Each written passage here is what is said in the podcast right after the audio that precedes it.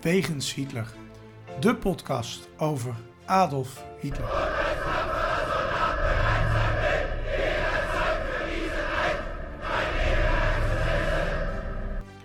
Dictator, alleenheerser van 1933 tot 1945. Een man met miljoenen doden op zijn geweten. Das war ein Befehl! Der Angriff Steiners war ein Befehl! Een man waar ongelooflijk veel verhalen over te vertellen zijn. Ook al die jaren na zijn dood.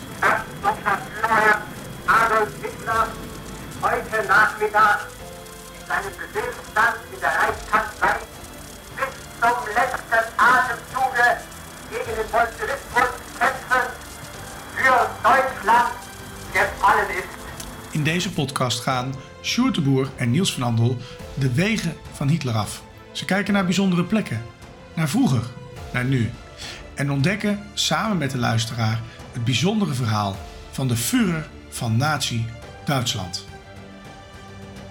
Een, een nieuwe week, een nieuwe wegens Hitler. En dit wordt een unieke uitzending, hè Sjoerd? Dit wordt absoluut uniek. Ja, een unicum voor onze podcast. Want we hebben voor het eerst in onze bestaansgeschiedenis, ja ja, duizend jaar al, hè, eh, hebben wij een eh, gast. Welkom. Hartelijk dank. Ja, Leuk om hier te zijn. ja Evert-Jan van Roekel, de schrijver van het boek Wevelsburg. Jij bent eh, de plek vandaag, dus we gaan zo eh, met jou verder in gesprek. maar eh, leuk dat je erbij wilde zijn. Ehm, eerst de huishoudelijke mededelingen. De vrienden van de show, mocht je denken, wat is dat? Dan ben je betalend lid van de podcast. Ja, ja, ja, ja. Daarmee ondersteun je het in stand houden van de podcast. Nou, hartstikke fijn als je dat bent. En we hadden daar boeken voor beloofd. Hè. We hebben drie boeken weg te geven. En de mensen die dat hebben gewonnen krijgen vandaag of morgen een mail. Of hebben hem al gehad eigenlijk, denk ik, als deze podcast online komt.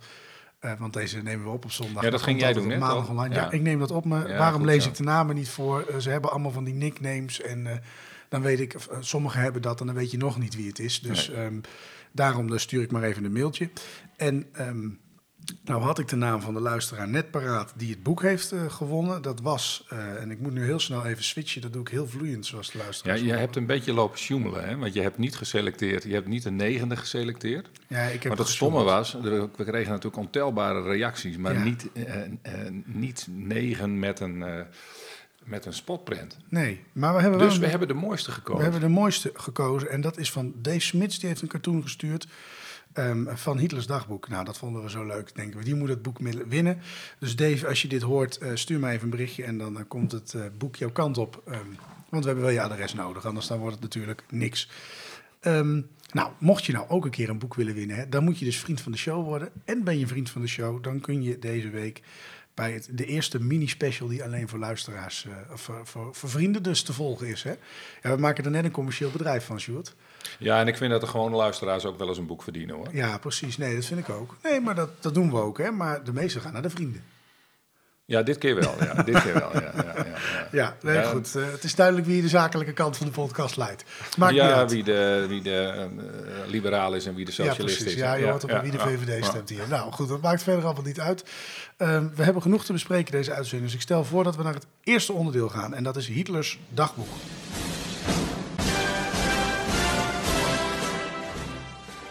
Hitlers dagboek. Het leven van Hitler duurde 20.463 dagen. Wat deed Hitler op deze dagen? Waar bevond hij zich? En vooral waarom?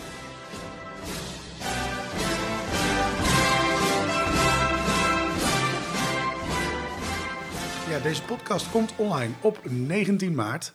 En wij gaan terug naar 19 maart 1933 in München. Sjoerd, wat gebeurde er toen? Nou, dat is de vraag.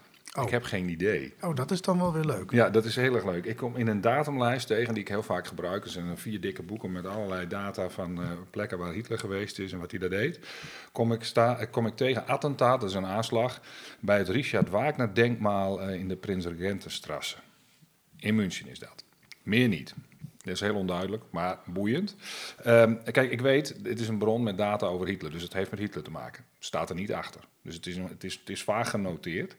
Ehm, eh, het monument staat in de Prins Regentenstrasse. Het is om de hoek van het, van het eh, appartement van Hitler. Dus het kan met hem te maken hebben. Ik kan me niet voorstellen dat hij daar een wandelingetje ging maken of zo. Dus, eh, maar ja, goed, dat staat er allemaal niet bij. Hitler was wel in München op dat moment. Dus dat is, wel, eh, nou ja, dat is dus in ieder geval iets dat ik zeker weet. Maar welke aanslag is het? Ik, nou, ik kan hem dus niet vinden, niet in boeken, niet op internet. En eh, ja, de vraag is wie helpt? Wie weet dit? Ehm, help ons. Welke aanslag gaat dit? Of is het een fabeltje? Ja. Ik heb geen idee. Dus ik kaats idee. hem even terug. Ik vond hem heel spannend. Ja. Je hoopt dat er nu een luisteraar zit die denkt, ik weet het. Ja. Die even niet op TikTok zit, maar naar ons luistert en denkt van, eh, ik weet het antwoord. Ja, wij zouden het moeten weten. Ja, nou ja, wij, jij. Ik kijk naar, Ja. ik kijk, ik kijk naar onze gast. Ja, misschien weet hij het toevallig. Nou, dit is, eh, dit is een lastige, denk ik hoor. Maar dat is 19 maart, welk jaar? 33. Ja. Ja, ik heb ook van die boeken met allerlei aanslagen, 42 stuks. Staat hier niet tussen. Ehm, nou, dan- dan zou dit de 43ste zijn misschien. Ik weet het niet. Ja. Ja. Nee, geen flauw idee. Ook geen, kan het echt moeilijk plaatsen hoor. Ja, ik zoek zelf ook wel door. Alleen eh, als iemand mij voor is, eh, hartstikke tof. Dan Ja, hoef ik niet meer stuur, te hem, zoeken. stuur hem dan in op de mail of in de andere social media. Ehm, nou, daarmee open, sluiten wij Hitlers dagboek voor het eerst met een open vraag. Ook wel weer eens leuk. Mhm. Ehm, we gaan naar het belangrijkste onderdeel van deze podcast. En dat is zoals elke week de plek. De plek. Bijzondere plekken of verhalen die te maken hebben met Hitler. Ja, de locatie is dit keer eh, Buren, als ik het goed zeg, in Noord-Rijn-Westfalen. Dat is eh, nou eh, een goed, bijna drie uur rijden. Er staat hier heel gedetailleerd hoe lang het rijden is op mijn blaadje, maar het is bijna drie uur rijden vanaf Zwolle. Dus dan moet je dan ook eerst nog naartoe. Als je daar niet woont, is het nog langer dus. Hè? Ja, maar ik dacht, nee joh, weet je, Ja, ik kies een niet beetje Utrecht en Nee, niet Amsterdam precies. en zo. Ja, Hè? Dat, is helemaal, goed. dat is helemaal uit. Stad en platteland heb jij ook goed gescheiden, maar merk ik heb wel stad Zwolle, weet je. Ja, het is wel een beetje- stad. Ik zit een beetje in het midden. De parel aan de, hoe heet die rivier die er langs loopt? Zo noemen ze het. Maar, Zwetten. eh, nee, niet de Zwetten. Zo heet dat ding niet. Hoe heet dat? Nou ja, goed, kom er niet op. Eh, de parel aan Doe je de- IJssel of zo? IJssel, ja, de parel van de IJssel, dankjewel. Ja, je hebt, op- ik heb die opgeruimd bij de aardrijkskunde, had ik geen zin in. Ik ook Ehm, niet hoor. Maar goed, wij hebben de... Ik denk dat het twee uur rijden is vanaf Hardenberg ongeveer. Hè? Oh, vanaf, kijk, dat is een andere Dat je in het platteland te blijven, Ja, Achterhoek. precies. Nee, heel goed. twee uurtjes denk ik. Juist, ja, ja zoiets. Zoiets? ja. Oh, nou, dat is lekker. het, is, het is hartstikke vlakbij, dus eh, je moet er echt gaan kijken. Ja, het is in ieder geval goed te doen, dus als je een keer een eh, dag vrij hebt. Ehm, in ieder geval, eh, daar ligt, want ik heb nog niet verteld wat daar ligt, Wevelsburg. En dat is, ehm, nou ja, da- da- daar hangt er een gewoon mythisch verhaal omheen. En daarom hebben we de schrijver van het boek Wevelsburg hier aanwezig. Eh, dat is dus Evert-Jan van Roekel, hè, we hadden je al aangekondigd. Eh, je hebt ook eh, Veldgrauw geschreven over Nederlanders in de SS, hè?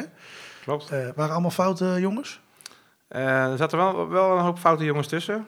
En achteraf bezien zou je kunnen zeggen dat ze allemaal fout zijn door de keuze die ze hebben gemaakt. Maar als je kijkt naar de toedracht, hè, hoe kwamen al die vrijwilligers nu nou tot hun keuze om voor de SS te gaan vechten, dan is het spectrum aan motivaties eh, veel breder. Mhm. En zitten daar ook vaak veel trivialere motieven tussen.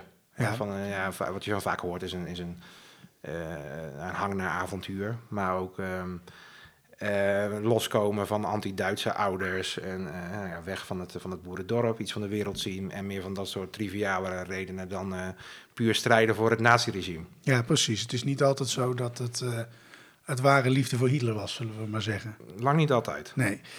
Misschien is het leuk om daar nog eens een keer een andere keer wat nader over te hebben. Maar we gaan het nu in ieder geval over jouw boek Wevelsburg hebben. Dat Ja. is eh, die mythische plek dus, hè, over de een beetje occulte kant van eh, ja, de, de SS van Himmler, zullen we maar zeggen. Ja, Ehm, ehm, ik heb het zelf nog niet kunnen lezen, maar Sjoerd wel. En die is er zeer lovend over eh, Mhm, geweest. mhm. Ehm, je hebt er Ja. ook een recensie over geschreven, geloof Ja, ik inmiddels, die, hè? die, die wil ik eigenlijk. eh, eh, ik dacht dat onthullen we nu, maar Oh, hij, staat, ja. hij, staat al, eh, hij staat al online, eh, inderdaad. Jij kwam hem al tegen, geloof ik. ik zou hem gisteravond nog Ja. voorbij komen. Ja, en, Ja. dus, en Oh, toen stond hij er volgens mij net op. Dus eh, wie wil kijken, ga even naar Traces of War. Daar staat een eh, recensie. Ja, maar het is ook een goed boek.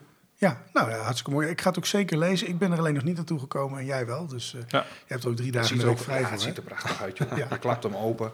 Ja, dit, eh, ja, ik ben een beetje... Ik ben een man van details. Ik ben een ja. kleinkind van een, ehm, een uitgever. Hè? Dus, dus eh, ja, als het er mooi uitziet, dan kan ik daar dan kan ik het niet laten. Je vouwt hem open en dan zie je een prachtige drieluik.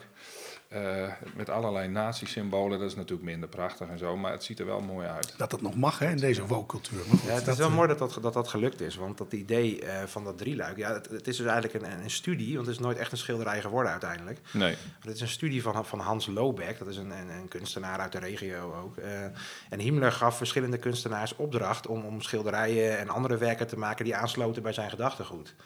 En eh, het drieluik dat ook de omslag is geworden...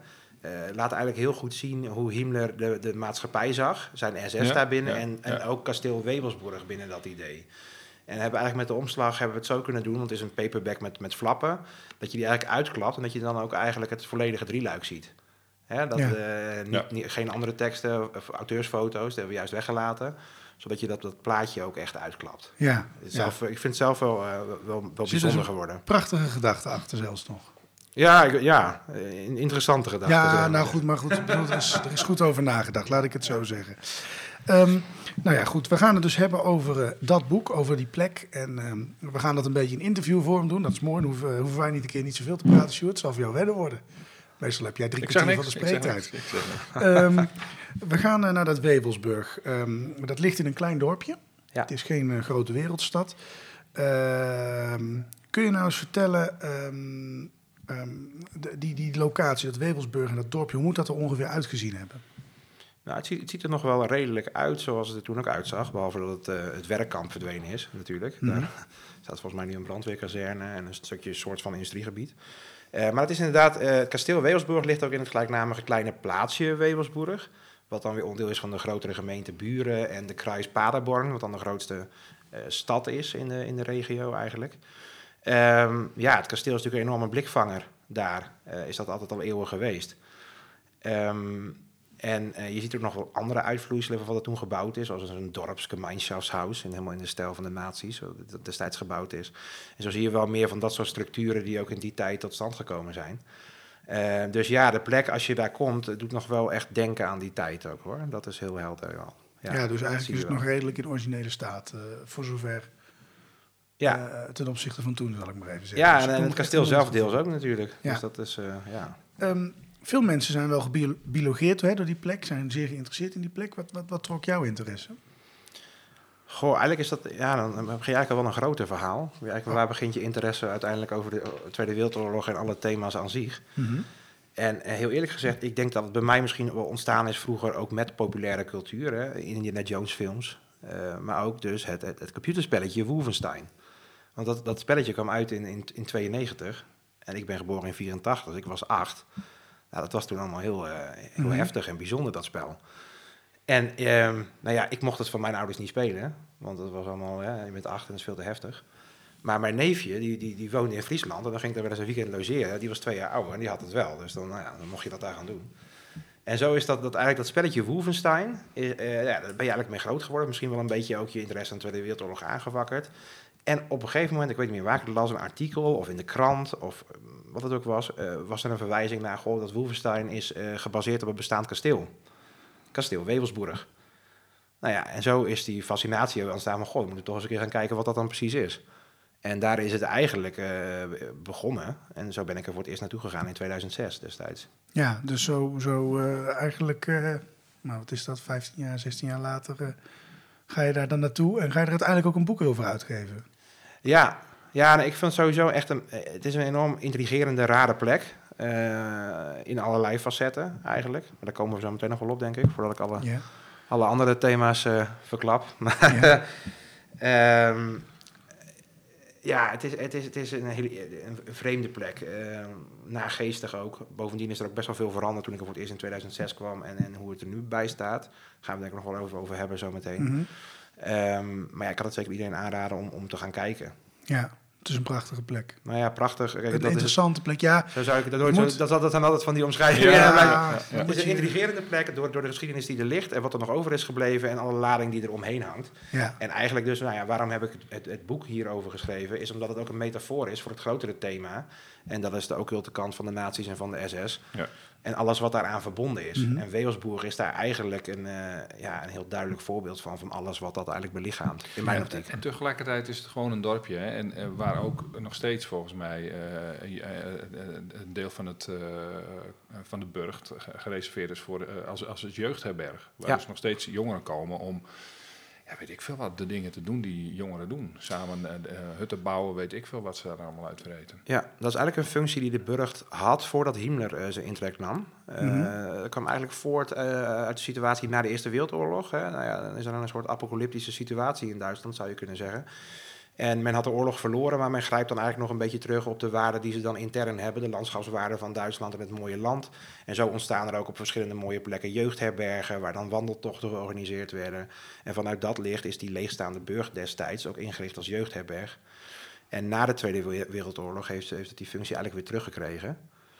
Ehm, en daarbij zit er in het kasteel ook een museum wat de Ja. geschiedenis van eh, eh, de, de, de pre-nazi-periode zeg maar, laat zien. Want het kasteel heeft natuurlijk een veel langere historie dan het gebruik van Himmler. Ja. En, en naast de oprijlaan is dan een, eh, ondertussen een nieuw museum ingericht met, met een eh, SS-expositie. Eigenlijk het grotere verhaal van de SS. Maar dat staat eigenlijk wel los van elkaar. Zo wil men dat daar ook een beetje Ja, presenteren. Ja, ja. ja en Ik- daar kun je ook via dat, dat museum kom je ook in de, de, de toren waar we het inderdaad straks nog over gaan hebben. Eh, Ja. Kom je er terecht? Is dat nog steeds zo? Ja. Nou ja, we zullen denk ik hebben straks over de... eh, nou ja, het is beladen erfgoed. Er zitten allerlei eh, eh, personen met bepaalde sympathieën die daar ook op afkomen. En men heeft in de laatste eh, jaren daar heel erg geprobeerd om met die expositie iets neer te zetten, om dat ook een beetje te ontkrachten. En eigenlijk eh, om in die ruimtes te komen die zo vreemd en mysterieus voor het kasteel zijn. Dat is dus de grafkelder en de, de, de, de opengroepenvurenzaal, zeg maar die soort van kamerlotachtige ronde tafelzaal. Ehm, om in die ruimtes te komen, moet je eigenlijk eerst door de hele expositie eh, heen lopen, Ja. waarin alle Ja. misdaden van de SS worden belicht. Dus men probeert dat daar heel duidelijk educatief in dat licht te plaatsen. Van, goh, als je hiernaar gaat kijken, weet dat dit de achtergrond is. Dus je loopt ook door die expositie voordat je naar die ruimtes kan. Ja. Ja. Nou zijn er in die, in, in- je noemde dat spel, wa- waar jij als jochie dus mee bezig was. Ja. Maar er zijn nog veel meer, er zijn strips, er zijn, zijn eh, andere boeken. Eh, ken je daar meer voorbeelden van? Ja, nou ja, eh, We- Wolfenstein is qua computergame heel, heel bekend. Mhm. Eh, ik noem de Indiana Jones films altijd als, als bekende voorbeelden van hè, hoe die eh, eh, nazi, geflipte nazi-wetenschappers rare onderzoeken gaan doen naar vreemde oorden en, en de link met het occulte, met de heilige graal, dat soort zaken. En, nou, zo is er nog, nog veel meer, inderdaad stripboeken. Er zijn documentaires, talloze andere films die daarop inhaken. Eh, nou ja, je kent zelf ook wel de BNC-titels, om het zo maar te zeggen, van een paar jongeren die in het bos verdwalen. Een oude bunker tegenkomen en voor je het weet vliegen de, de SS-zombies je om de oren. Ja. Nou ja, dat soort dingen. En daar zijn ook weer computergames van. En dan zie je soms ineens een, een, mannetje rondlopen met een klein brilletje. En dat moet dan eh, Heinrich Himmler zijn. En die, die heet dan net anders of zo. Ja, al die stereotyperingen zie je heel erg terug. En dat Ja. zie je trouwens ook in Wolfenstein. Nou ja, eh, Himmler is dan, eh, is dan zijn type. Maar je ziet vooral ook de, de geflipte nazi-wetenschapper is eigenlijk een soort thema. Dat is dan een beetje ingericht op, eh, op, op mengelen vaak. Ja. Dan krijg je eh, de, de dikke decadente generaal. Nou, dat is natuurlijk Geuring. Eh, en als je, naar, als je dan een vrouwelijk personage hebt, want dat hebben ze dan ook nog vaak, dan krijg je een soort, eh, nou ja, heftige kampbewaakster à la Irma Kreze is heel bekend. Hè, de- de bewaakster die nou ja, heel berucht was. Nou ja, allemaal van die stereotyperingen zie je terug in die populaire cultuur. En ehm, dat is eigenlijk waar, je, waar ik dan een beetje mee opgegroeid ben en wat iedereen wel kent. Maar dat heeft eigenlijk een langere geschiedenis al van, van de naties in een bepaald licht plaatsen, in een bepaalde cultuur, ook in, in boeken. Ja. En dat geeft eigenlijk, begint dat al eh, vanaf de jaren dertig als de naties aan de macht komen. Dan zie je dat de, de traditionele vijand Frankrijk, die begin, daar beginnen mensen al dingen te publiceren, dat de naties eh occulte magiërs zijn en duistere krachten gebruiken. Eh, dat gaat dan nog een stapje verder als de Duitsers het goed doen. Nou ja, voor, voor, voor hun dan in, in de Tweede Wereldoorlog. Ja. Want ja, ze hebben binnen een paar weken Frankrijk veroverd, waar ze eerst eh, eh, nog niet zo heel lang geleden eh, vier jaar lang in de loopgraven hebben gezeten. En opeens is dat land binnen een paar weken verslagen.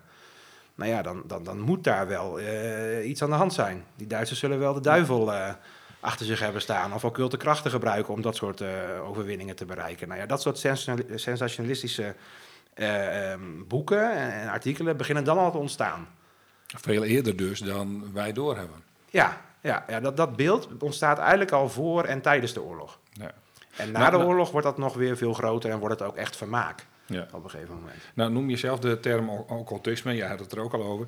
Eh, ook, ook nog los van de burg noem je het in het boek. Hè? Dan zeg je eh, van het is die, die term dat is een eh vergaarbak van kennisclaims. Ja. Ehm, maar dan heb je het niet per specifiek over de burg dus. Eh, wat bedoel je daarmee? Ja, nou ja, kijk, eh, wat we het net ook over hadden, eigenlijk is, is de burcht eh, voor mij ook een, een uitvloeisel en een heel goed voorbeeld van alles wat het occultisme in het, in het nazisme eigenlijk, ja, eh, nou ja, als voorbeeld daarvan is dat heel duidelijk. Ehm occult als omschrijving, daar, of, nou, een omschrijving van het occulte, dat is heel ingewikkeld. Dat is gelijk een moeilijke vraag. Daar worstelt eigenlijk iedereen mee, want wat is nou occult en wat niet? Het is eigenlijk een soort eh, verzamelbegrip voor, voor, voor bovennatuurlijke eh, spirituele zaken die niet in een ander eh, hokje passen.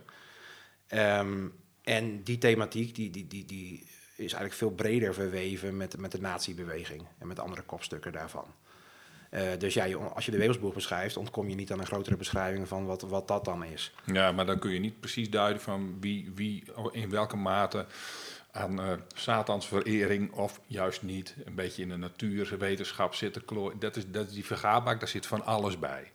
Ja, het zijn allerlei eh, zaken. Je hebt het over astrologie, eh wiggelroede, lopers, eh, maar ook eh, zoektocht naar de heilige graal, de heilige lans, wat een mythe was. hè, eh, wat ook de heilige lans in combinatie met Hitler was. Hitler zou daar enorm enthousiast over zijn geweest. De vraag is ook in hoeverre dat echt zo geweest is. Het zijn allemaal van dat soort verhalen die, die je eigenlijk kan scharen onder de noemer het occulte. In het licht van wat de nazi's dan interessant gevonden zouden hebben. En Himmler was daar het grote voorbeeld van. Die, die, die, was dat een echte, zwaar occult belaste satanist? Of moet je dat pragmatischer zien? Hoe, hoe, hoe werkt dat? Hoe werkte dat bij hem? Nou ja, gek, eh, gek, eh, gek genoeg, eh, dat zou je eigenlijk niet zeggen bij, bij Himmler, als, als zeg maar de, de baas van de SS. Maar Hitler was eigenlijk best, of Himmler was eigenlijk best een, een romantisch iemand. Die ook helemaal in het licht van zijn tijd. Hij was eigenlijk de, de, de generatie die, die net de Eerste Wereldoorlog wel meegemaakt had, maar net niet gevochten had. Eh, maar dat, dat teruggrijpen op een soort romantisch Germaans verleden. In combinatie met eh, de, de, de, de, nou ja, de negatieve effecten van de nederlaag die men geleden had en de schaamte die men had. Dat leidde tot een soort eh, romantisch ideaalbeeld van, van, van zelfbevestiging. En Himmler zocht dat heel erg in, in grootse Germaanse verhalen en de bekende bloed- en bodentheorie. En Himmler dacht oprecht dat hij de reïncarnatie van, van Heinrich I was, Hendrik de Vogelaar. Eigenlijk de koning van het Verenigde Eerste Duitse Rijk. Daar geloofde hij oprecht in. En hij liet zich in, in, in privékringen ook omschrijven als koning Heinrich. Nou ja, zover ging dat. Dus Dus Himmler had... zat- het, het, het, het was niet meteen een soort van, van duivelsverering, maar er zat wel een steekje los, zeg maar. Nou ja, kijk, het is, het is net hoe je, hoe Als je het er niet in bekijkt. gelooft, in ieder geval. En wat is duivelsverering? Zo zou ik het niet willen noemen. Het, het komt eigenlijk uit het grotere plaatje van wat ook alweer voor de Eerste Wereldoorlog speelde. Was het teruggrijpen op Germaans nationalisme, bloed- en bodentheorieën, ehm, eh, Herman de Germaan die de eh, Romeinen had verslagen. Allerlei van dat soort romantiserende verhalen over een gemeenschappelijk Germaans verleden, de vikingen, Noordse runen. Eh, eh, dat soort zaken speelden enorm bij Himmler. En dat beleefde hij ook op een soort van romantische manier. Mhm. Alleen had dat in zijn geval ook een hele eh, eh, kwaadaardige, eh, nou ja, had het kwaadaardige gevolgen. Met het feit dat hij ook vond dat alles wat vreemd was daaraan en wat daar niet in paste, ook uitgeroeid moest worden. Met alle gevolgen van. Ja. Ja, dat, dat zet het wel in een bepaald licht natuurlijk, waarbij het bepaalde eh, volgelingen van eh, de Satanskerk of zo, die, die, die hebben daar wel eh, seances gehouden in die, in, Ja. in, in, in die, in die burcht. Nou, dat is een andere kant van de zaak. Hij bekeek het ook vanuit de geschiedenis en had er een bepaalde invulling van die, die handig was voor de naties. Of in ieder geval, je moest een andere soort ge- geschiedenis moest je eigenlijk bouwen. Ja. Minder Ja. gebaseerd op het christendom, maar meer op het oude Germaanse, vertel Ja. je nu. Ja, men, men, men zocht eigenlijk, eh, en dat gebeurde dus eigenlijk al voor de Eerste Wereldoorlog, met, met de Vulkische beweging, zoals dat dan heette. Men, men zocht eigenlijk in die tijd van hè, 19e eeuw, nationalisme, nazistaten. Duitsland ontwikkelt dat eigenlijk iets later eh, dan een aantal andere Europese staten. Ja, die zoeken heel erg naar een soort verklaring van een gemeenschappelijk eh, verleden. Terwijl Duitsland natuurlijk eeuwenlang alleen maar een, een, een lappendeken van verschillende staatjes en, en, en volkjes is geweest. Ehm, en ze proberen daar een gemeenschappelijk eh, ehm, verleden in te uit te kristalliseren. En Himmler is best wel een product van die gedachte. Ja, ja. Hoe staat het met Hitler? Dat is ja, wegens Hitler. We moeten hem even ter sprake brengen natuurlijk. Maar eh, hoe zat hij daarin? Was die, eh, nou, erg geïnteresseerd, diep van binnenuit in horoscopen of in andere zweefmaterialen? Ja, nou ja, als ik dat eh, vanuit... eh nou we hadden het net ook even over, over überhaupt pragmatisch daarmee omgaan. Hè? Dat is een belangrijk thema. Eh, nou ja, voor Hitler uiteindelijk ook, maar voor anderen daar ook omheen. Ehm, ik denk dat de diepste beweegredenen van Hitler eigenlijk niet heel helder zijn. Uiteindelijk is er van, van alles over geschreven. Er zijn goed beredeneerde theorieën. Maar wat bewoog Hitler nou echt? Ik denk dat we daar niet 100% met zekerheid iets over kunnen zeggen. Het enige wat je wel ziet, en dat komt ook uit bronnen naar voren, is dat Hitler hier wel sceptisch tegenover stond. We weten ook dat Hitler bepaalde ideeën van Himmler over Atlantis en supermensen eh, gewoon ronduit belachelijk maakte. Ehm, het lijkt erop dat Hitler pragmatischer omging met die ideeën om het zo te kunnen gebruiken en naar zijn hand te zetten. Om zo, eh, nou ja, want Hitler wist als geen ander wat de macht van een idee kon zijn. eh, om dat te gebruiken om het volk daarmee te beïnvloeden voor zijn eigen doeleinden.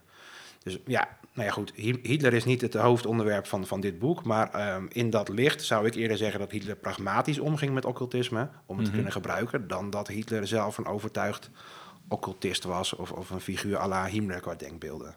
Zou ik zeggen. Maar ik weet niet wat, Sjoerd, wat jouw Nou, nee, nee, ik heb ervaring daarmee is. Nou, we hebben het wel eens gehad over horoscoopje, weet je wel. Dat, dat soort ge- gedoe. En, dat, eh, en, en veel verder komt het ook niet. Nee. Dus het is een. Nee, dat, ik, ik, ik vind het wel mooi verwoord, eh, moet ik zeggen. Ja, ik denk, maar astrologie speelde ook een grote rol. Hè. Dat was ook iets wat in die tijd ook eigenlijk heel eh, gebruikelijk was. Astrologie was, was niet iets wat men raar vond, dat men daar gebruik van maakte. Eh, Goebbels deed dat bijvoorbeeld ook. Ja. Ehm, maar en, en bepaalde occulte, eh, nou ja, ik noem het weer even occult, maar eh, eh, nou ja, dingen die de nazi's eigenlijk eh, goed voorkwamen, die werden gebruikt wanneer dat kon. En eh, nou ja, noem het nogmaals, occulte dingen eh, die het regime niet aanstond, werden onderdrukt. Ja. Dus eigenlijk is het heel simpel. Het is eigenlijk in, in, in lijn met hoe de nazi's überhaupt met ongeveer elk element van, de, van die maatschappij omgingen. Wat van waarde was en wat men vond dat men gebruik, eh, gebruiken kon, dat werd eh, gesteund. En wat niet, werd keihard onderdrukt. Ja, het is een beetje een middeleeuwse omgang van, van, van de, met de geschiedenis. Dat, dat, je pakt er gewoon uit wat je hebben wil. En, eh, en bij, in jouw boek eh, eh, valt dan de Arische supermens, die de zoektocht naar Atlantis Ja. noem je. Maar ja, de Weltijsleren, die, die, die wordt ook genoemd. En Ja. ik dacht, nou laten we daar dan eens eventjes op doorvragen.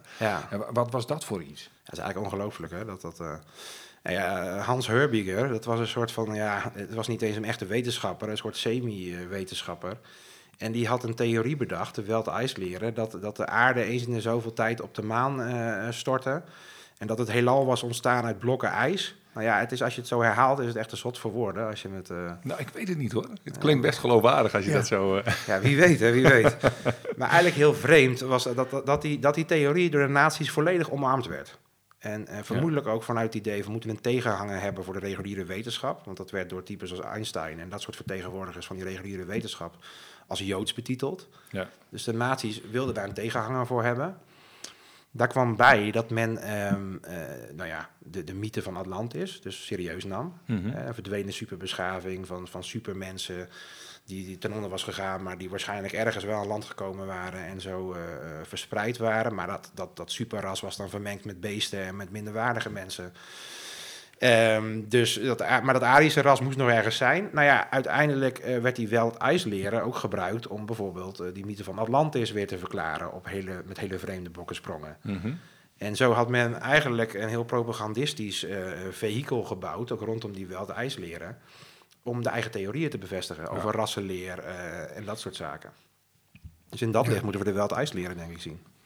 Maar vooral vol, volslagen idiote theorie. Want de, de wetenschappers van die tijd, die daar ook, eh, de, de- nou ja, de serieuze wetenschappers, zeiden bijvoorbeeld ook, ja, dan kun je net zo goed zeggen dat het heelal is gemaakt van olijfolie en dan gaat het nog steeds op. Nou het ja, hele ja. ijs is helemaal Ja. niet relevant. Dat vind ik eigenlijk een leuke ja. gedachte. Misschien kunnen we die eh, eens verder, eh verder Misschien een inzetten. luisteraar die denkt, eh hey, hier, wil ik wel mee. een verhaal op schrijven, ja, precies.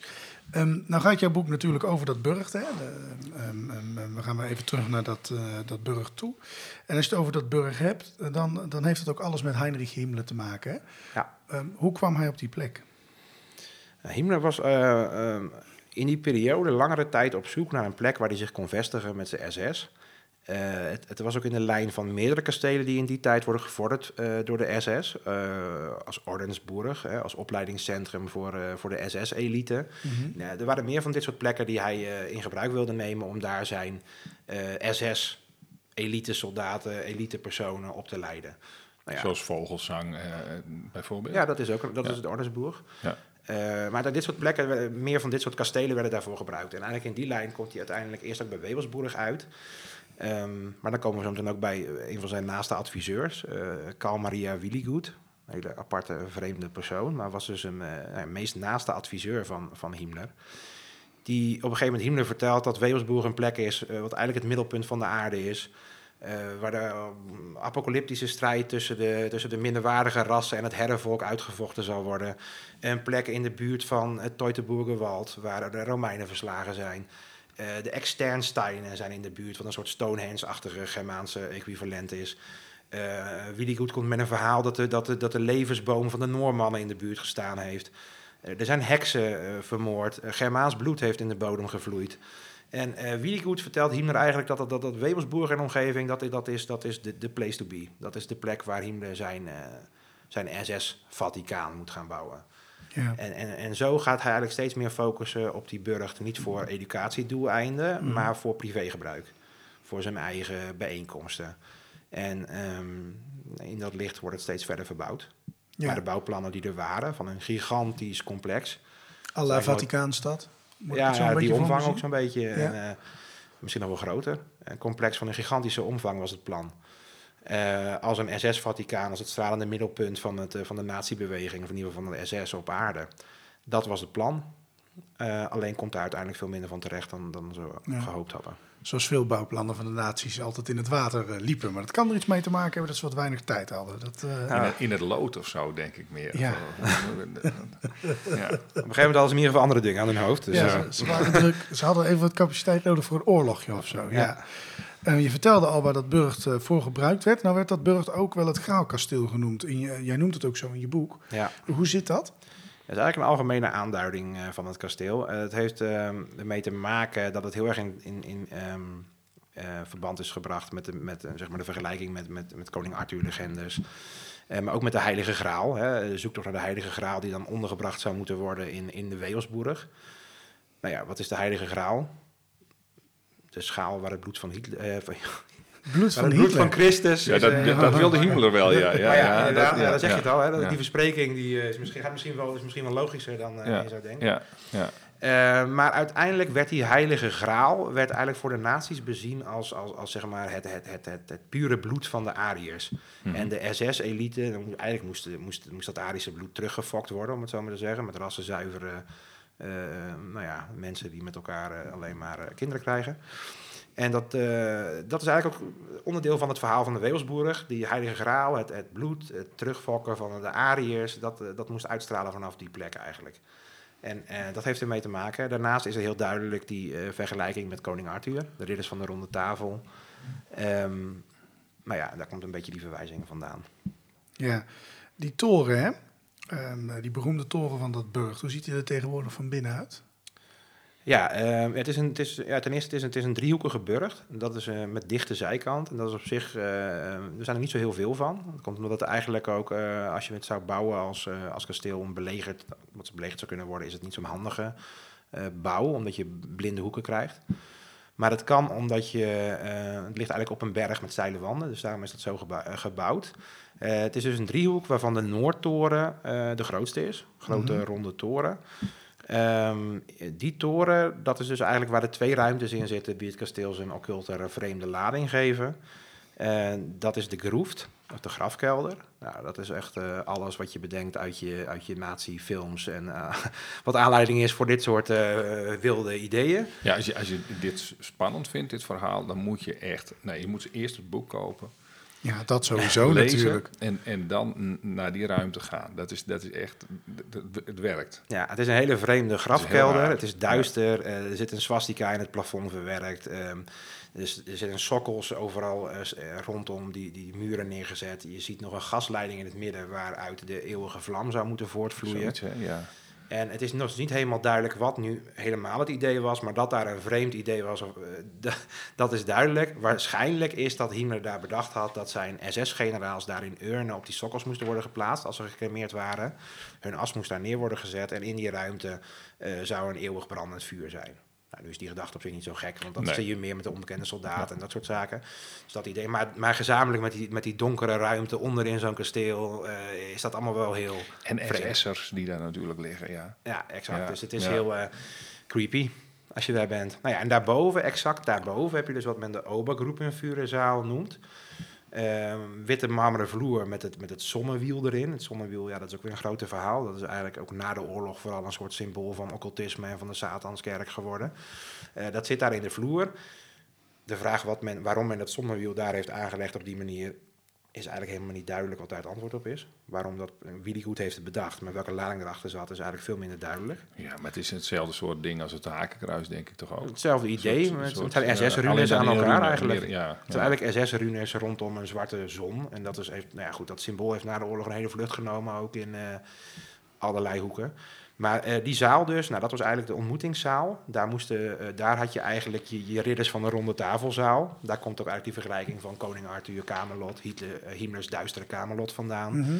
En daar eh, werden grote eikenhouten tafels geplaatst met grote stoelen met varkensleer. Hè. Het materiaal moest zelfs uitstralen, de sterke Duitse eik en het boerenleven. Er was helemaal over nagedacht. En die zaal zou de ontmoetingsplek worden van Himmler met zijn SS-generaals. Alleen was die zaal helemaal niet af bij de enige bijeenkomst die er ooit geweest is met SS-generaals. Dus die werd ergens anders gehouden. Oh. Maar dat was het, dat was het idee eh, eigenlijk. Ja, wederom weer de tijd was te kort. Ehm, je noemde net al, het moest een beetje Vaticaanstad worden, hè, dat, dat Wevelsburg. Ehm, is er ook bekend wat er met die omgeving verder moest gebeuren? Eh, Ja, ja, dat moest een, eh, een- eigenlijk eh, een volledige bebouwing daaromheen eh, van, eh, ik geloof, als ik het in mijn hoofd goed zeg, 1,8 kilometer in, eh, Zoiets, hè? in Ja, diameter. Waar allerlei andere structuren ook gerealiseerd werden. Nou, een aantal dingen zijn ook gerealiseerd, zoals een, een dorpsgemeenschapshuis en een aantal eh, andere gebouwen voor bewakers en, en dat soort eh, eh, gebouwen. En natuurlijk was er een groot eh, werkkamp om dat te gaan realiseren. Maar uiteindelijk zou ehm, een groot deel van de bevolking daar ook moeten wijken, omdat daar natuurlijk al die SS-structuren moesten worden gebouwd. Ja, alleen ging dat natuurlijk op een vriendelijke manier, want het ging hier natuurlijk om de, om de Duitse bevolking. Die konden niet zomaar onteigend worden, hè, waar men dat in bezette gebieden veel makkelijker deed, om het zo maar te zeggen. Ja, Ja. ja. Dus dat moest op een vriendelijke manier gedaan worden. Maar eigenlijk zat men helemaal in dat proces. Maar dat is nooit verder van de grond gekomen door wat je zelf al zei. eh nou ja, tijdgebrek uiteindelijk. En je ziet ook dat Himmlers focus ook weg is gedurende de oorlog op Wevelsburg. Ehm, want ja, eh, het gaat slecht met de oorlog. En Himmler zag dit ook als een project wat verder moest worden opgepakt als de oorlog gewonnen was. ja, En ja. toen dat niet ging gebeuren, dan zie je ook dat hij daar eigenlijk een beetje van, van verwijdert. Dus nou ja, onderaan de streep is er veel minder gerealiseerd van dat SS-Vaticaan als dat men eh, voor ogen had. Je, je hebt het eh, twee keer genoemd, volgens mij, het. Eh, Ja. Dat staat daar wel. Nou ja, dat zijn natuurlijk waarschijnlijk de gebruikelijke dingen eh, die we ons voorstellen bij een kamp eh, gebeurt. Eh, Ja. hoe, hoe moeten we dat zien? Hoe, wat, wat voor soort kamp was dat? Ja, ja Niederhagen eigenlijk, ehm, ja, eigenlijk wel een kamp zoals je je dat voorstelt, zoals je zegt. Alleen een beetje een vreemde dynamiek. Ja, werkkamp. Hè. Het was natuurlijk geen vernietigingskamp, want men moest werken, maar wel onder de omstandigheden zoals vernichting door arbeid, om het zo Ja. maar te zeggen. zoals bij de nazi's gebruikelijk was. Alleen wat het vreemde was aan dit kamp, is dat het voornamelijk bevolkt werd door Jehovah's getuigen. Dat is wel uitzonderlijk, want Aha. dat, dat, is, dat, dat, dat is niet in zoveel kampen het geval. Eh, want ze waren begonnen met een werkcommando van Sachsenhausen, dat in tenten daar ergens was eh, opgezet. En die moest aan het kasteel gaan werken. Nou, iemand had eigenlijk gewoon zijn wer- werkgroepje geregeld, maar dat waren zeg maar eh, criminelen. Mhm. Nou, dat ging allemaal mis. Die waren vluchtgevaarlijk, die, die, die gingen ontsnappingspogingen doen en er was constant gesodemieter mee. Ja, Dus goede zei- leerschool voor eh, andere kampen waarschijnlijk. ja, ja, Zo, nou ja. moet het, zo moet het niet. Nee, dus Himmler vond dat ook niks. En dat was, voor je, voor, nou, dat was ook niet handig voor de omgeving. Want het was toch ook eigenlijk hè, een propaganda-ding, dat kasteel. En als je dan al die vluchtgevaarlijke criminelen had die daar eh, rondliepen, dat was niet de bedoeling. Dus Himmler bedenkt op een gegeven moment, ik moet wat eh, normalere gevangenen hebben. Dus die haalt op een gegeven moment een groep eh Jehovah's getuigen binnen. Die natuurlijk Mhm. ook vervolgd werden in Ja. het nazi-regime. Ehm, maar dat is dus een hele vreemde populatie eigenlijk. Omdat je dat eigenlijk niet zo ziet in de andere kampen doorgaans. En waardoor je ook een andere dynamiek kreeg. Mhm. Maar eh, naarmate de oorlog vordert, komen er ook andere groepen binnen. En uiteindelijk wordt het kamp, eh, zoals alle kampen, met alle excessen die je kunt bedenken. zo. Want eh, de, eh, de stenen en zo die die ge- gebruikt moesten worden voor het kasteel of voor weet ik wat, die werden ook in steengroeven, ze moesten ze daar aan het werk en, Ja, en zwaar werk. ja, ja nee, zwaar werk. En steengroeven in de buurt, daar kwam het materiaal vandaan. Eh, zwaar werk, ehm, lange werktijden, slechte omstandigheden, eh, verkeerd materieel, niet het juiste gereedschap, et cetera, et cetera.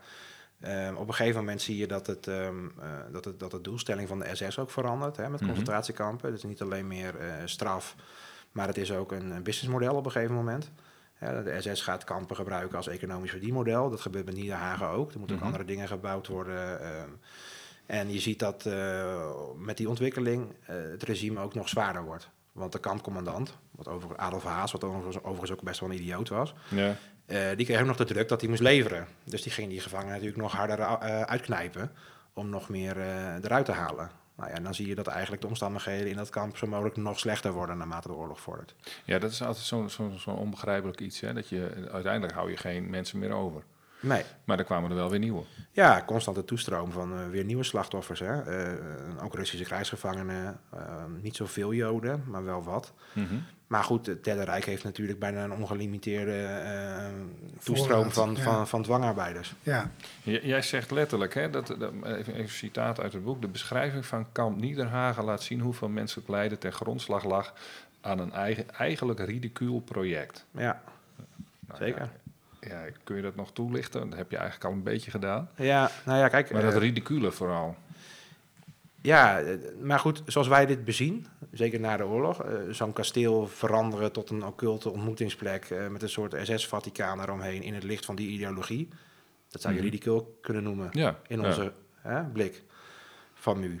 Ja, dat daar dan een concentratiekamp bij was, waar uiteindelijk nog zoveel mensen doodgaan aan zware dwangarbeid en waar uiteindelijk helemaal niets bijna wordt gerealiseerd van dat überhaupt al ridicule project. En dan is Niederhagen nog niet eens het slechtste voorbeeld hoor, van het Duitse kampsysteem, denk ik. Maar ja, dan is deze eh, beschrijving denk ik wel kloppend, zoals ik hem heb eh, benoemd. Ja, absoluut. ja. Ehm, die fascinatie hè, met, met dit, de- deze plek, de Wevelsburg, heeft dat ook iets te maken met ehm, wat mensen nu vaak doen, is, is Hitler en zijn aanhangers demoniseren. Heeft dat wat jou betreft een verband met de fascinatie voor deze plek? Ehm, voor de groep die Hitler demoniseert? Ja? Zou dat een verband kunnen hebben in die zin? Ja, die neiging om alles in het duivelse te trekken. Ja, Oh ja, nee, zeker. Ja, ehm, dit is natuurlijk... eh, hè, als, je, als, je, als je dat in extreme wilt trekken... dan, dan zijn dit soort verhalen rondom zo'n plek... met eh occulte eh, rituelen en dat soort zaken... natuurlijk prima om dat in dat licht uit te leggen. Dat maakt het alleen maar sterker als je dat beeld wil neerzetten. Maar dat is eigenlijk onderaan de streep de conclusie van het boek een beetje. Al die wilde verhalen, alles wat, wat, je, wat er omheen is verschenen... berust eigenlijk op heel weinig. Ehm, rondom het museum ook, en, en, en ook in eh, recentere wetenschappelijke publicaties eh, die hierover zijn, zie je eigenlijk dat er eigenlijk heel weinig reden is om aan te nemen dat er nou echt heel veel gebeurd is. Als het erop neerkomt. En dat is eigenlijk een beetje een dooddoener voor, voor dit gesprek en voor het boek. dus eigenlijk staat er niks in het boek. Dames en nee, heren, ja, streep gaat eigenlijk nergens over. Nee, maar eh, het is... Nee, nee, Dat is wonderlijk nee, dat het, nee, nee, nee, ik heb het gelezen en het is niet waar. Je moet het echt, ook, ook vanuit die kant moet je het aanvliegen. Zo van, eh, wat wordt er over gezegd en hoe zit dat precies? En dan is er nog van alles gebeurd. Ja, er is Vooral alles als je het over Niederhagen hebt en je ziet, en als je die, als je die toren ziet. Ik zeg het een beetje gechargeerd, hè, maar het is Ja. inderdaad zo dat onderaan de streep, ik bedoel te zeggen van al die wilde verhalen, van de meest gekke dingen die daar eh, eh, de ronde doen over wat er allemaal gebeurd zou zijn, dat valt allemaal erg mee. Maar natuurlijk de toedracht en de situatie blijft natuurlijk enorm interessant. Ja, precies. Dankjewel Evert-Jan voor je komst. Het boek Wewelsburg, de occul- occulte kant van Hiedemers SS, is eh, te krijgen in de boekhandel. En natuurlijk, dat heeft Sjoerd wat minder graag, maar ook online te bestellen. We gaan naar het volgende onderdeel van onze podcast en dat is het Nazi-journaal.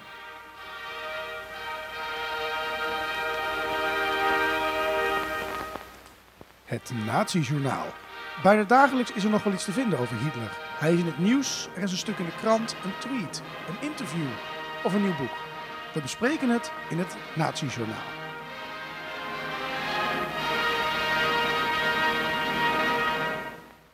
Ja, het Nazi-journaal met dit keer twee eh, berichten. En we beginnen met het eerste bericht. En dat is ehm, het overlijden van het laatste levende lid van de verzetsbeweging Weisse Rose.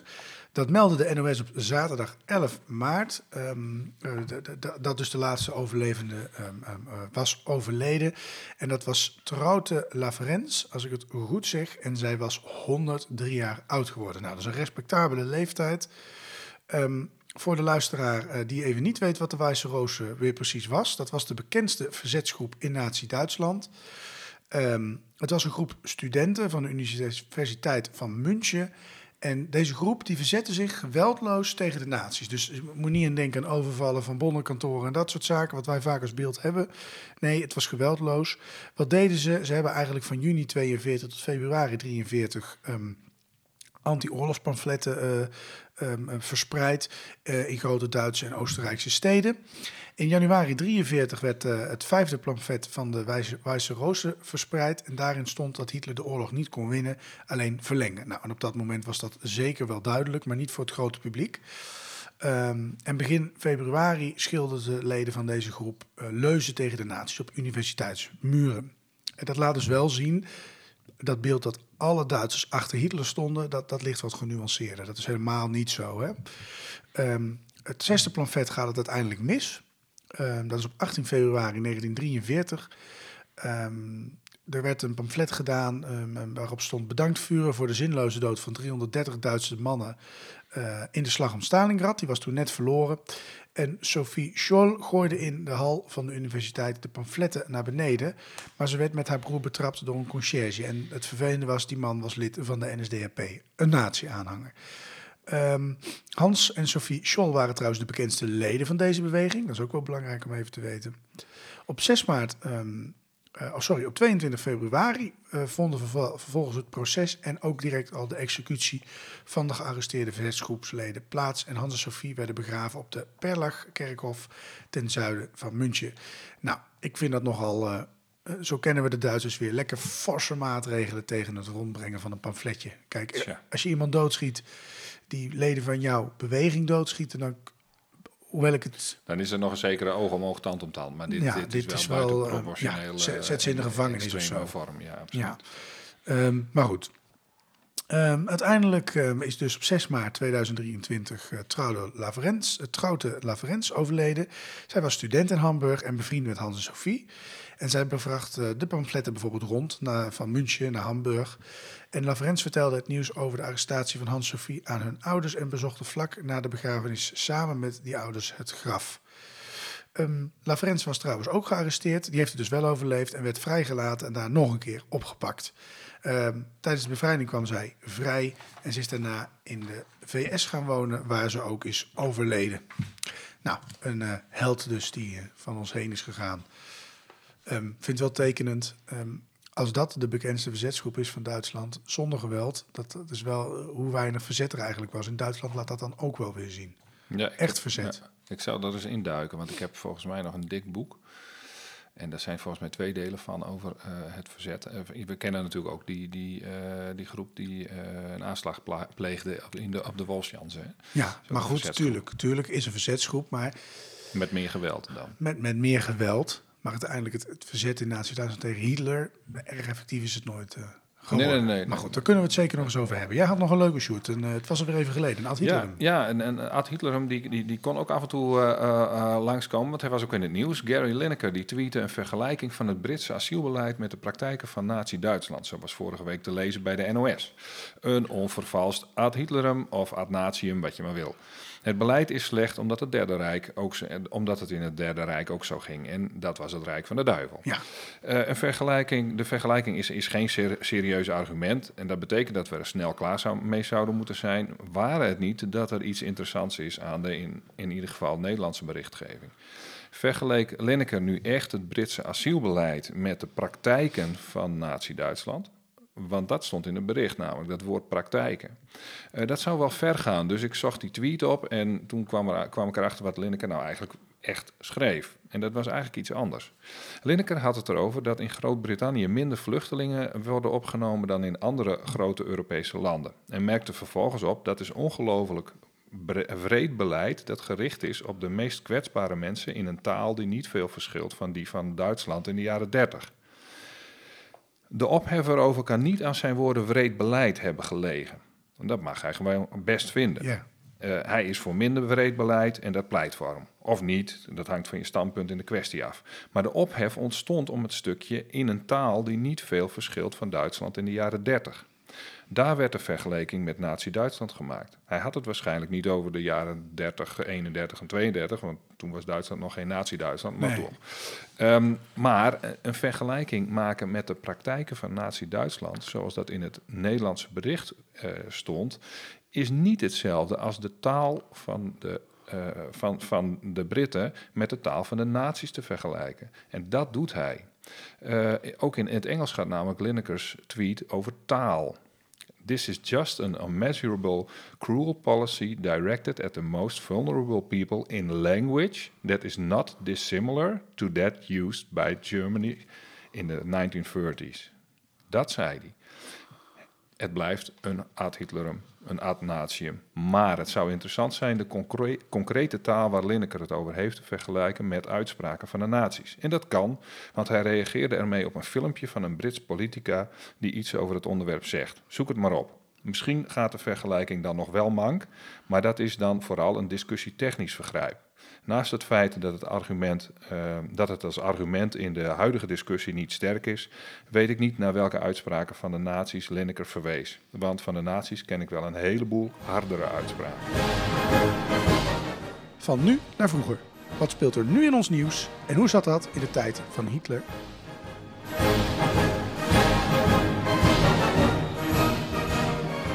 En zo komen we alweer aan het einde van, ehm, ehm, of het, laat, het einde nog niet gelukkig, maar wel het laatste onderdeel, zo moet ik het zeggen, hè, Sjoerd, ehm, van deze uitzending. Zeker. Ehm, want wij gaan eh, eh, van nu naar vroeger. En het kan niet anders dan dat we het gaan hebben over de afgelopen statenverkiezingen. Ehm, we zijn er inmiddels een beetje aan gewend geraakt. Een behoorlijke hoeveelheid partijen waaruit gekozen kan worden. Toen ik politiek geïnteresseerd was, waren er een stuk of 15 nu in de Kamer zitten nog niet eens. En, maar er wordt vaak ook wel gezegd, hè, onwerkbaar veel partijen, ehm, ehm, nieuwkomers, eh, betrekkelijke nieuwkomers, mensen die afsplitsen. Eh, en die hebben in het verleden ook voor onrust gezorgd. Denk maar aan Pim Fortuyn. Mhm. Eh, laat even duidelijk zijn, die man doodgeschoten, dat is dat, dat- vreselijk. Dat moet niet kunnen, zeker niet om je ideeën. Ehm, eh, maar, maar hij zorgde wel voor veel onrust in het politieke landschap. ja, vooral wat daarna gebeurde. Ja, wat dat daarna gebeurde. Dat, dat, dat kun je Ja, veel- hij werd toen de grootste in Rotterdam. En ik, eh, eh, ik was toen te klein om dat te zien. Maar zelfs ik heb die aflevering nog wel eens teruggezien. ehm, waar, waar die bij eh, Pauw Witteman, geloof ik, zat. Nee, ehm, nee niet Jeroen Pauw. En eh, die Witteman, ik kom even op zijn voornaam. eh, hoe die met zijn voornaam ook alweer heet. Witteman in ieder geval, mensen weten wie het is. Ja, hele nare uitzending. Hè? Het einde ook van Ad Melkert en zo. eh. Ja, ja, ja, ja, ik denk ja, dat iedereen ja, dat ja. nog wel weet. Ja. Maar goed, Maar goed, dat, was, dat, dat had verder ook niet zoveel met eh, hem te maken, maar ook met de reactie van Melker toen op dat Nee, moment. tuurlijk. Nee, maar bedoel die uitzending van Ja, Witteman. het was, ja, op en de onrust eh, volgde natuurlijk ook eh, daar eh, in de zin van eh, eh, dat de partij iets moest doen eh, waar de partij helemaal niet klaar voor was. Nee, nee dat, is, dat was zeker duidelijk. Ehm, we hebben nu de BBB. Nou, wat dat gaat brengen is afwachten. Maar daar gaat het bij eh, eh, onze podcast natuurlijk niet over. We zijn geen politieke podcast. Ehm, maar het gaat wel om het aantal partijen dat in 1932 meedeed in Duitsland. Vlak voordat Hitler aan de macht kwam. Er waren toen twee verkiezingen en veertien partijen. Dat waren de KPD, dat waren de Communistische, de Communistische Partij Duitsland, de SPD, Socialistische Partij Duitsland, dat waren de socialisten. Zetrum, dat waren de katholieken, de BVP, de Belgische Volkspartij, de DNVP, de Duitse Nationale Volkspartij Conservatief en Nationalistisch. Zo, zo, zo, nou wat een volle naam. De NSDAP en natuurlijk een hele kleine serie andere. Ehm, nou, ehm, je had toen ehm, ehm, de zetels eh, te verdelen. En de NSDAP had er in juli 230, als ik mij niet vergis, hè, Sjoerd? Ja, dus, eh, 230. En we- we- hoeveel partijen hebben we? Een stuk of eh, 14, eh 14 partijen. Ja. 230. Het NSDAP was echt de grootste. Hè? 37,3% van de Ja. stemmen. Ja, en dan komt, daarna komt, komen de socialisten ongeveer met eh, 133 zetels. Ja, dat is een Ehm, beetje de verdeling die we nu ook zien in de staten. Er zijn echt staten waar... eh, nou, Ja. ik kan, wij, wij nemen deze podcast op in de provincie Gelderland, dus daar kan ik over praten. Daar hebben ze geloof ik... eh, eh 14 of 15 zetels gehaald. Misschien wel zelfs 16 zit ik nu te twijfelen. Ja, ja. Maar de, de partij Maar goed, komt ja. er maar zes. Dus En, en, en eh, eh, nou ja, als je de communisten en de socialisten met elkaar eh, optelt, dan, dan, dan zit je ook eh, boven de 200. Dus de- je hebt een, een blok links en je hebt een blok rechts. het gaat naar extreem. Eh, ja, en er zitten allemaal hele kleine partijtjes bij. En nou ja, goed, dat is een, dat is een, een enorm gedoe. Hè? Ehm, eh, nou ja, goed, dat, dat, daar komen ze ook niet uit. Ja. Ehm, en in juli hebben ze trouwens nog 230 zetels. In november daalt het naar 196. Ja, ja want Ja. het is- men komt er dus niet uit. Eh, Nee. Er wordt niks gerealiseerd, dus gaan ze, gaan ze nog een keer... eh, de kanselier was eh, Frans van Papen op dat moment... en de rijkspresident was ja, Paul van Hindenburg. Ja. En in juli kon, er- kon, kon er geen, geen meerderheid komen voor de, voor de NSDAP. En het lukt nog wel trouwens om Geuring eh, als, als voorzitter van de Rijkstak eh, te, ben- taak te ben- benoemen. Maar ja, dat verdeelde land eh, ja, Ja. komt niet verder. En, maar na november dan treedt Von Papen af. En Kurt von Schleicher wordt dan door Hindenburg tot kanselier benoemd. Maar weer lukt het niet, een kabinet te vormen. Eh, Hitler wil niet eh, aan een overwegend conservatief kabinet meewerken, namelijk. En dat wilde Hindenburg. Ja. En dat, dat verrekte die. Ehm, en makkelijke meerderheden zijn er niet. En eh, we, gaan- we zijn niet met, eh, met de Hitlerum en de vergelijking bezig, Nee. maar dat, dat heb je in dit soort eh, gevallen blijkbaar. De grootste partij redt het dus niet. En dat Nee. kan. En dat heb ik ook wel eens bij de Nederlandse politiek, dat dan, dat dan een grootste partij die bijvoorbeeld 30% van de stemmen heeft, dat die, dat die per se wil in, in de regering moet of zo. Wat ik in een paar, Nou, jij vindt dat dat, moet, omdat de, dat het moet. grootste deel van de kiezers heeft daarvoor gesproken. En er is. Democratisch deels natuurlijk wel wat over te zeggen. Maar het gaat om een meerderheid vinden. Tenzij de 70% het, eh, dikke vrienden zijn eh, en, en zeggen van ja, maar ja, sorry. Ja. Wij, en dat, Dat is natuurlijk in Den Haag gebeurd, hè, waar die partij van Richard de Mos bij far de grootste is, geloof ik. Ja. Maar wel aan de kant is gezet, omdat ze niet meer samen willen werken met Richard de Mos. Nee. Om allerlei redenen waar de rechter nog uitspraken over moet doen. Ja. Maar het kan goed zijn dat bijvoorbeeld nu kijkt, BBB is best groot, maar die hebben een vrij harde, denk ik, duidelijke eis wat vanuit hun politiek standpunt mag.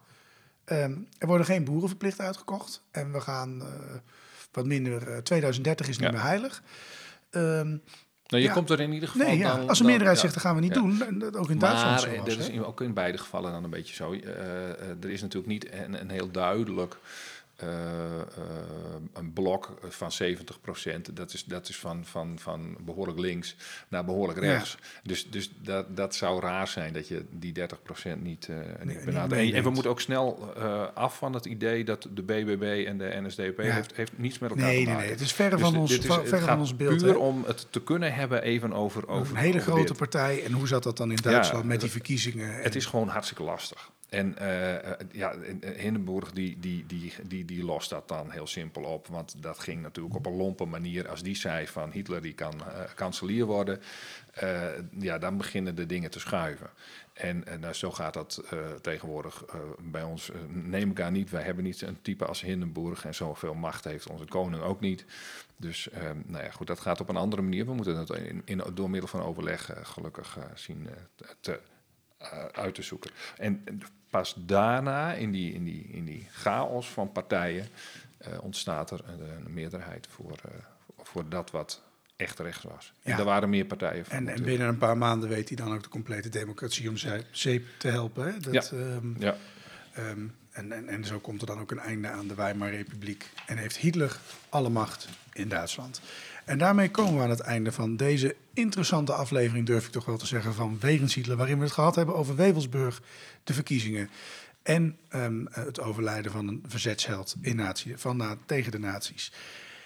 En ehm, ja, daarmee is het weer voorbij voor deze week. Vond je dit een leuke podcast en zeg je, ik wil dit vaker horen, dan kun je natuurlijk volgende week weer luisteren. We weer zijn met een interessant onderwerp en we het ongetwijfeld weer gaan hebben over de demonen van Nazi Duitsland.